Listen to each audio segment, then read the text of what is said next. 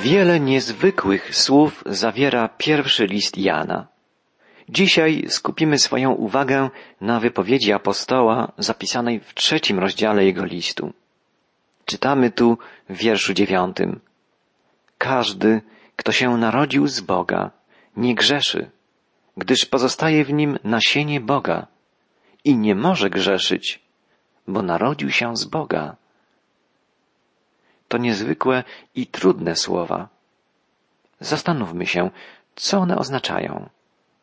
Zapytajmy na początku, co Jan ma na uwadze, stwierdzając, że zalążek, posiew, nasienie Boże jest obecne w człowieku wierzącym. Są trzy możliwości wyjaśnienia tego zwrotu. Po pierwsze, często słowem posiew, nasienie Biblia określa rodzinę, ród danego mężczyzny, jego potomków.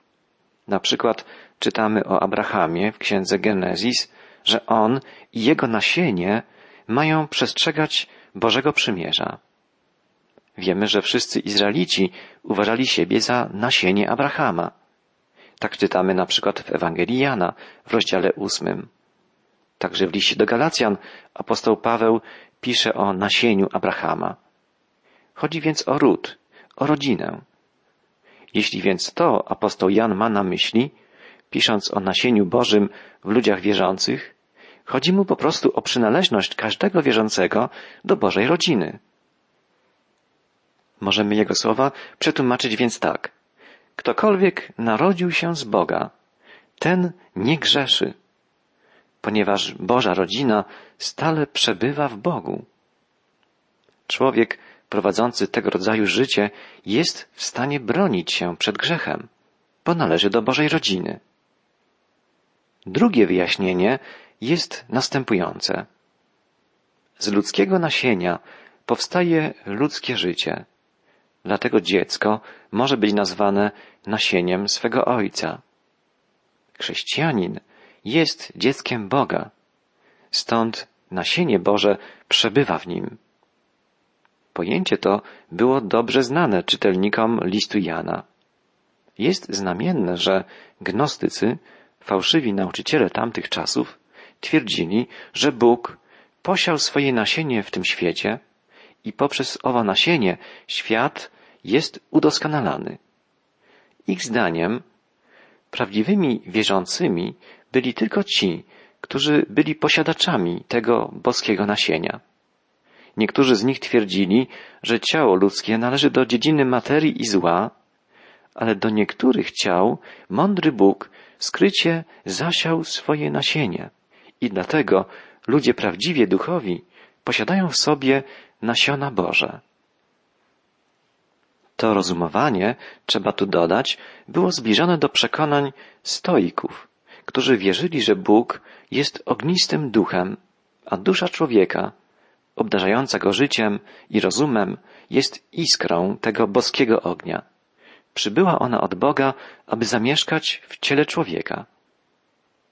Jeżeli w ten sposób zinterpretujemy słowa apostoła Jana, będzie to oznaczało, że każdy odrodzony człowiek posiada w sobie nasienie Boże i dlatego nie jest w stanie grzeszyć. Istnieje jeszcze trzecie, najprostsze wyjaśnienie tego zwrotu w Nowym Testamencie. Słowo Boże przynajmniej dwa razy występuje jako środek, który odradza człowieka. Jakub pisze, gdy zechciał, zrodził nas przez słowo prawdy, abyśmy byli niejako pierwszym zarodkiem Jego stworzeń. Słowo Boże jest podobne do nasienia, które tworzy nowe życie. A więc nasienie Boże to Słowo Boga obecne w nas, działające w nas. Jeszcze wyraźniej pisał o tym apostoł Piotr. Jako odrodzeni nie z nasienia skazitelnego, ale nieskazitelnego przez Słowo Boże, które żyje i trwa. Słowo Boże jest tu niedwuznacznie zidentyfikowane z nieskazitelnym nasieniem Bożym. W ten sposób apostołowie dowodzą, że człowiek narodzony z Boga nie może grzeszyć, ponieważ zamieszkujące w nim Słowo Boże jest jego siłą, jego przewodnikiem. trzecia wersja interpretacji zwrotu apostoła Jana jest chyba najlepsza. Chrześcijanin jest zachowywany od grzechu mocą zamieszkującego w nim Słowa Bożego. To Słowo Boże, ożywione przez Ducha Świętego, sprawia, że rodzimy się na nowo i że prowadzimy odnowione, odrodzone życie. Wypowiedź apostoła Jana należy analizować bardzo dokładnie i uważnie. Przypomnijmy sobie, że w swej Ewangelii Jan opisuje spotkanie Jezusa z Nikodemem. Pan Jezus powiedział Nikodemowi o świadectwie z góry, o narodzeniu się z Boga. Mówił o konieczności nowego narodzenia się. Człowiek, który przyjmuje Chrystusa, otrzymuje Boży posiew Ducha Świętego. Ten posiew jest w nim i przeszkadza mu w popełnianiu grzechu. Apostoł Paweł pisał o tym samym w liście do Galacjan. Pisze tam wprawdzie, że porządliwości ciała pozostają w nas i odzywają się bardzo mocno, a jednak ten, kto postępuje według ducha, nie będzie żył według ciała, ale będzie duchem sprawy ciała umartwiał. O tym pisze apostoł narodów w ósmym rozdziale listu do Rzymian. Apostoł Jan jeszcze zaostrza swoją wypowiedź i pisze, nie może grzeszyć, gdyż z Boga się narodził.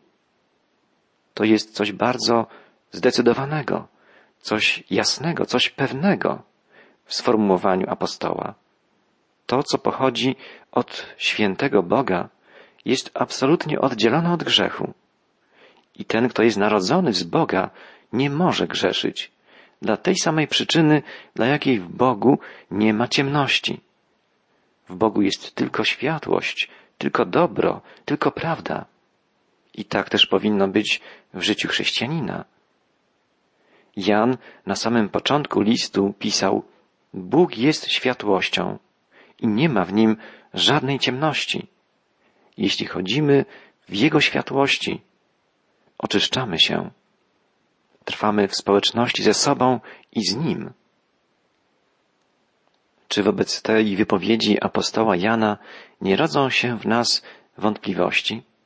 Czy w ogóle ktokolwiek z nas ma prawo wierzyć w swoje narodzenie się z Boga? Nie, nie wolno nam zdań Jana wyrywać z kontekstu wcześniejszych jego wypowiedzi. Pamiętamy, co pisał Jan na początku swego listu. Pisał, jeśli mówimy, że nie mamy grzechu, to sami siebie oszukujemy i nie ma w nas prawdy. Jeśli chodzimy w światłości, podobnie jak On jest w światłości, to trwamy we wspólnocie z sobą, a krew Jezusa, Jego Syna, oczyszcza nas z wszelkiego grzechu. To jest nam stale potrzebne. Nie mówmy nigdy z lekkim sercem, trudno, tacy już jesteśmy. Ale z bólem zastanówmy się nad tym, jak możemy postępować tak, jakbyśmy nie byli narodzeni z Boga. Właściwie w ogóle nie powinniśmy tak postąpić, a jednak grzeszymy. Ale posiew Boży, który jest w nas, popycha nas do pokuty, do szczerej skruchy, do wyznawania grzechów. A jeśli wyznajemy nasze grzechy, to Bóg, który jest wierny, oczyszcza nas z wszelkiej nieprawości i przebacza nam nasz grzech. Jeśli przychodzimy z grzechami do Pana Jezusa, do tego, który ma moc, by nam przebaczyć, by nas oczyścić, On to czyni. Oczyszcza nas w mocy swej krwi.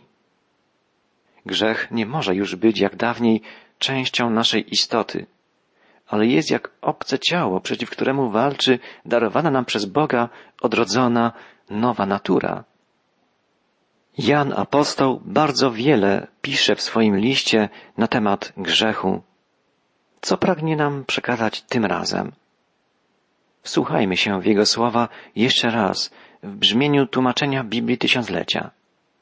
Każdy, kto narodził się z Boga, nie dopuszcza się grzechu, ponieważ trwa w nim zarodek boskiego życia.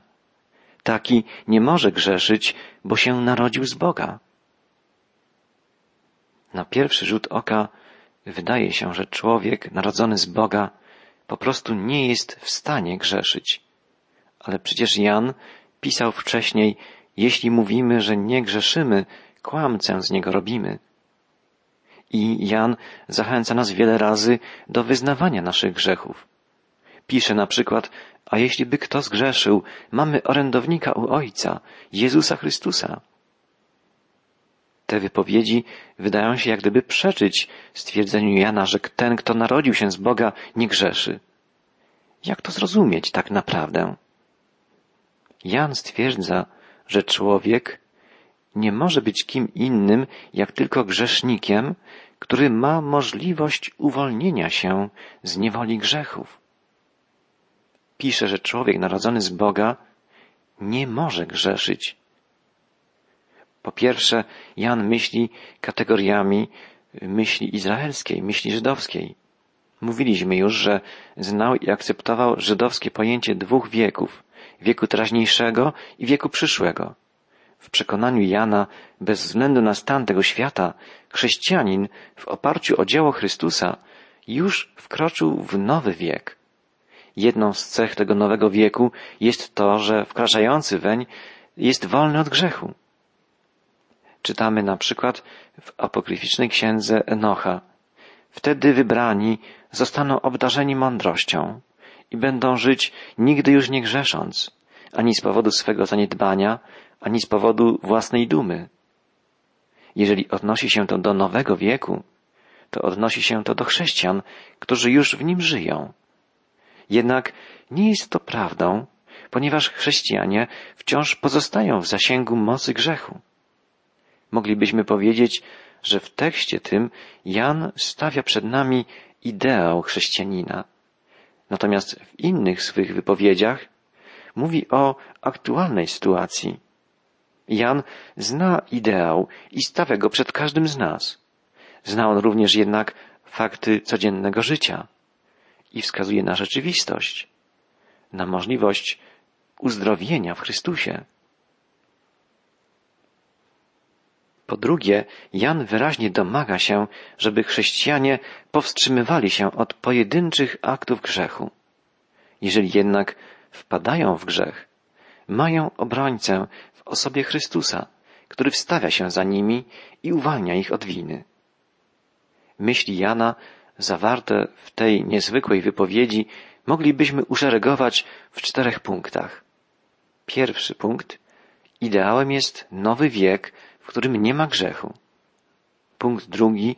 Chrześcijanin powinien zbliżać się do tego ideału i z pomocą Chrystusa powinien unikać pojedynczych aktów grzechu. Punkt trzeci. Wszyscy ludzie są narażeni na upadki. Jeżeli ulegną grzechowi, powinni pokornie wyznać go Bogu, który zawsze przebacza pokutującemu sercu. I w końcu, mimo wszystko, żaden chrześcijanin nie może świadomie i stale grzeszyć. Żaden chrześcijanin nie może prowadzić życia zdominowanego przez grzech. Jan nie stawia przed nami niedoścignionego perfekcjonizmu. Jedynie wymaga życia świadomie wystrzegającego się grzechu. Apostoł podkreśla, że człowiek, który związał swoje życie z Bogiem, nie może trwać w stanie świadomego grzechu. W kolejnej swej wypowiedzi, zapisanej w dziesiątym wierszu trzeciego rozdziału pierwszego listu, Jan wskazuje nam całą powagę sytuacji odnośnie walki z grzechem. Czytamy, po tym można poznać dzieci Boże i dzieci diabła. Każdy, kto nie postępuje sprawiedliwie, nie jest z Boga, jak też ten, kto nie miłuje swojego brata. Jan był obecny przy tym, kiedy Jezus pobożnym, wiernym prawu Żydom, spełniającym religijne i moralne nakazy, powiedział Ojcem waszym jest diabeł i chcecie postępować według porządliwości Ojca waszego. Dlatego apostoł martwi się, że także w chrześcijańskich wspólnotach mogą żyć dzieci diabła. Przerażające. Po czym można je rozpoznać? Jak można je odróżnić? Ci ludzie żyją życiem Kościoła, słuchają razem z innymi Bożego Słowa, śpiewają te same pieśni, dobrze opanowali nawet chrześcijański i biblijny język. Jezus myślał nawet o takich, którzy mogą się chwalić, Panie, czyż nie prorokowaliśmy w imieniu Twoim i w imieniu Twoim czyż nie wypędzaliśmy demonów i w imieniu Twoim nie czyniliśmy wielu cudów? Jezus nie przeczy, że rzeczywiście tak było, że to wszystko czynili. Czy wobec tego nie są wyróżniającymi się członkami Kościoła? Nie. Jezus mówi, nigdy was nie znałem, was, którzy czynicie bezprawie. I teraz podobnie stwierdza jego apostoł Jan. Kto nie postępuje sprawiedliwie, nie jest z Boga, jak też ten, kto nie miłuje brata swego. Tak jak Jezus, jego uczeń Jan podkreśla, że jedynym miernikiem naszego chrześcijaństwa jest miłość względem bliźniego i względem Boga. Jan, apostoł miłości, podkreśla, że nie jest z Boga ten, kto nie miłuje swego brata. A więc ostatecznie chodzi o miłość. Ona jest istotą Boga. Jan napisze w dalszej części swego listu, Bóg jest miłością. Kto nie miłuje, nie zna Boga. Z Boga narodził się ten, kto potrafi kochać, kto przyjmuje i odwzajemnia miłość. Każde przykazanie Boże jest ostatecznie zawsze przykazaniem miłości. Jan pisze o tym wiele także w swojej Ewangelii. Istota grzechu polega na braku miłości, na nienawidzeniu swego brata, jak to wcześniej Jan pisał już w swoim liście. Kto nienawidzi brata swego, jest zabójcą. To bardzo mocne słowa. Podobnie Jezus, kiedy mówił o ludziach, którzy nie kochają, nie miłują, nazwał ich dziećmi diabła, dlatego że nie ma w nich miłości. Kto swego brata nie miłuje, nienawidzi go i przez to jest dzieckiem diabelskim. Zwróćmy uwagę, że Jan pisze o sprawiedliwym postępowaniu i daje niejako znak równości z miłowaniem. Chodzi bowiem o sprawiedliwe postępowanie nie jako zimne, nieczułe trzymanie się pewnych zasad. Chodzi o sprawiedliwość Bożą. Tylko ten sprostać może miłości Boga w Jezusie, kto przyjmuje Bożą sprawiedliwość, kto pozwala, że Bóg go oczyszcza i prowadzi, i kto miłuje Boga i swego brata, taką miłością, jakiej sam doświadczył ze strony Pana. Nie można przy tym nigdy zapominać, że sprawiedliwe postępowanie wobec innych jest w miłości zawsze pierwszą i podstawową sprawą. Moja miłość musi przede wszystkim okazywać się w tym, że serdecznie i z radością przyznaję innym ich prawa, że chętnie spełniam te obowiązki, które z racji uznawania tych praw spadają na mnie. Nie mogę przecież okazywać miłości, robiąc tylko to, co łatwo mi przychodzi, a uchylając się od tego, czego ten drugi człowiek słusznie ode mnie oczekuje, a co z jakichkolwiek powodów przychodzi mi trudniej. Jan jest przekonany, że nasze miłowanie, umiejętność miłowania nie jest czymś przed nami zakrytym. Już w następnej wypowiedzi w swoim liście napisze, my wiemy, że przeszliśmy ze śmierci do życia, bo miłujemy braci. Oczywiście, zwłaszcza ten, kto miłuje, będzie boleśnie odczuwał niedostatki swojego miłowania. Będzie wiedział, że w miłowaniu innych zawsze pozostajemy dłużnikami względem nich, a przede wszystkim względem Boga. Każdy wierzący człowiek, w którego sercu gości miłość Boża, będzie zdawał sobie sprawę z popełniania licznych niesprawiedliwości, z licznych uchybień, z tego, że zawodzi, ze swoich grzechów. I dlatego tym bardziej i tym częściej będzie starał się przychodzić pod krzyż Jezusa, żeby tam otrzymać przebaczenie, żeby tam otrzymać siłę do kontynuowania nowego życia.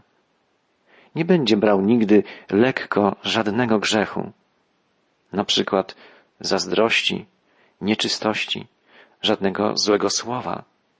Będzie bardzo wyczulony na to, że popełniając takie grzechy wchodzi w sferę ciemności. Właśnie dla niego będzie Ewangelią ratunku zwiastowanie, że Syn Boży po to się objawił, aby zniweczyć dzieła diabelskie.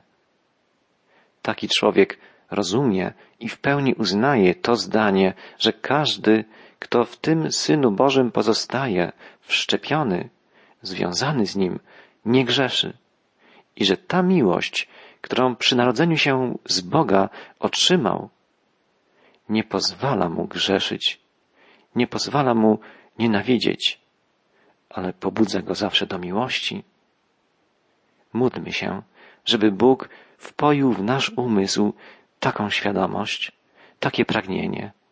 Módlmy się, żeby Bóg wlał w nasze serce swoją miłość.